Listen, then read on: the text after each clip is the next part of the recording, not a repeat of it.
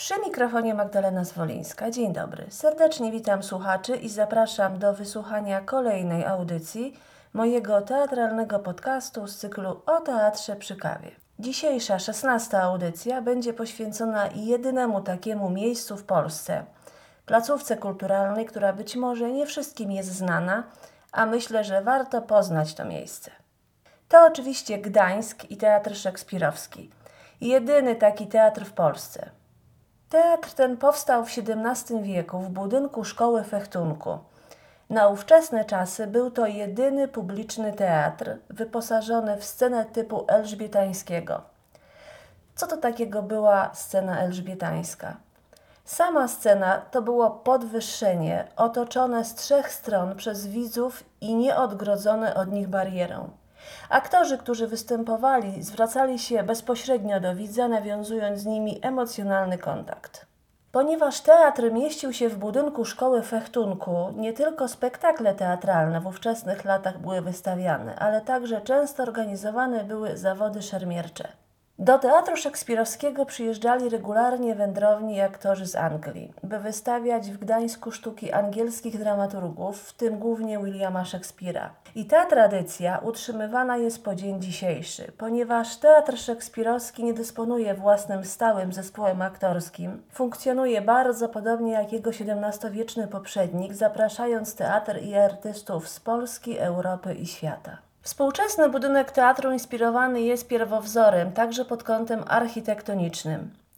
Wnętrze sali głównej jest częściową rekonstrukcją wybudowanej w 1635 roku w Gdańsku Szkoły Fechtunku. Otwierany w przeciągu trzech minut dach umożliwia pokazywanie spektakli przy świetle dziennym pod gołym niebem, tak jak odbywało się to w czasach elżbietańskich. W budynku teatru zastosowane są takie rozwiązania techniczne jak ruchomy system zapadni sceny i widowni. Tak, może to poniekąd dziwić, ale widowni również, ponieważ w zależności od układu sceny i widzów ponieważ jest to teatr adoptowalny, teatr może pomieścić do 600 osób przy ustawieniu teatralnym i do 1000 przy ustawieniu koncertowym.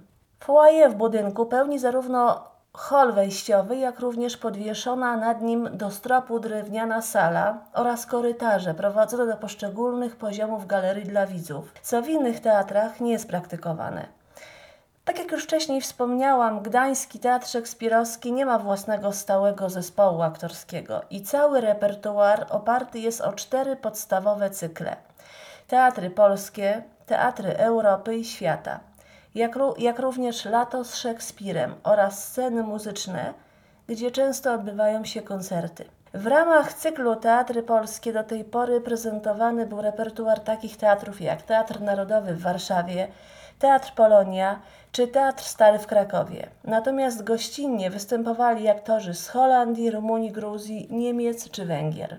Letnie produkcje szekspirowskie w ramach cyklu Lato z Szekspirem grane są na oryginalnej scenie elżbietańskiej, dostępnej jedynie w Gdańskim Teatrze Szekspirowskim. Budynek jest pierwszym wybudowanym w Polsce od blisko 40 lat budynkiem teatru dramatycznego. Budowa tego teatru trwała od 5 marca 2011 roku, a ceremonia otwarcia miała miejsce 19 września 2014 roku.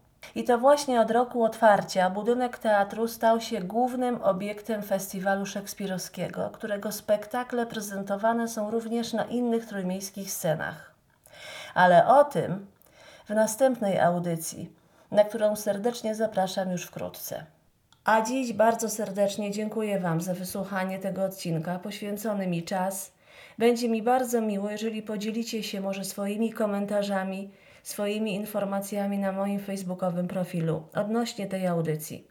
Zapraszam, piszcie i do usłyszenia w kolejnej audycji.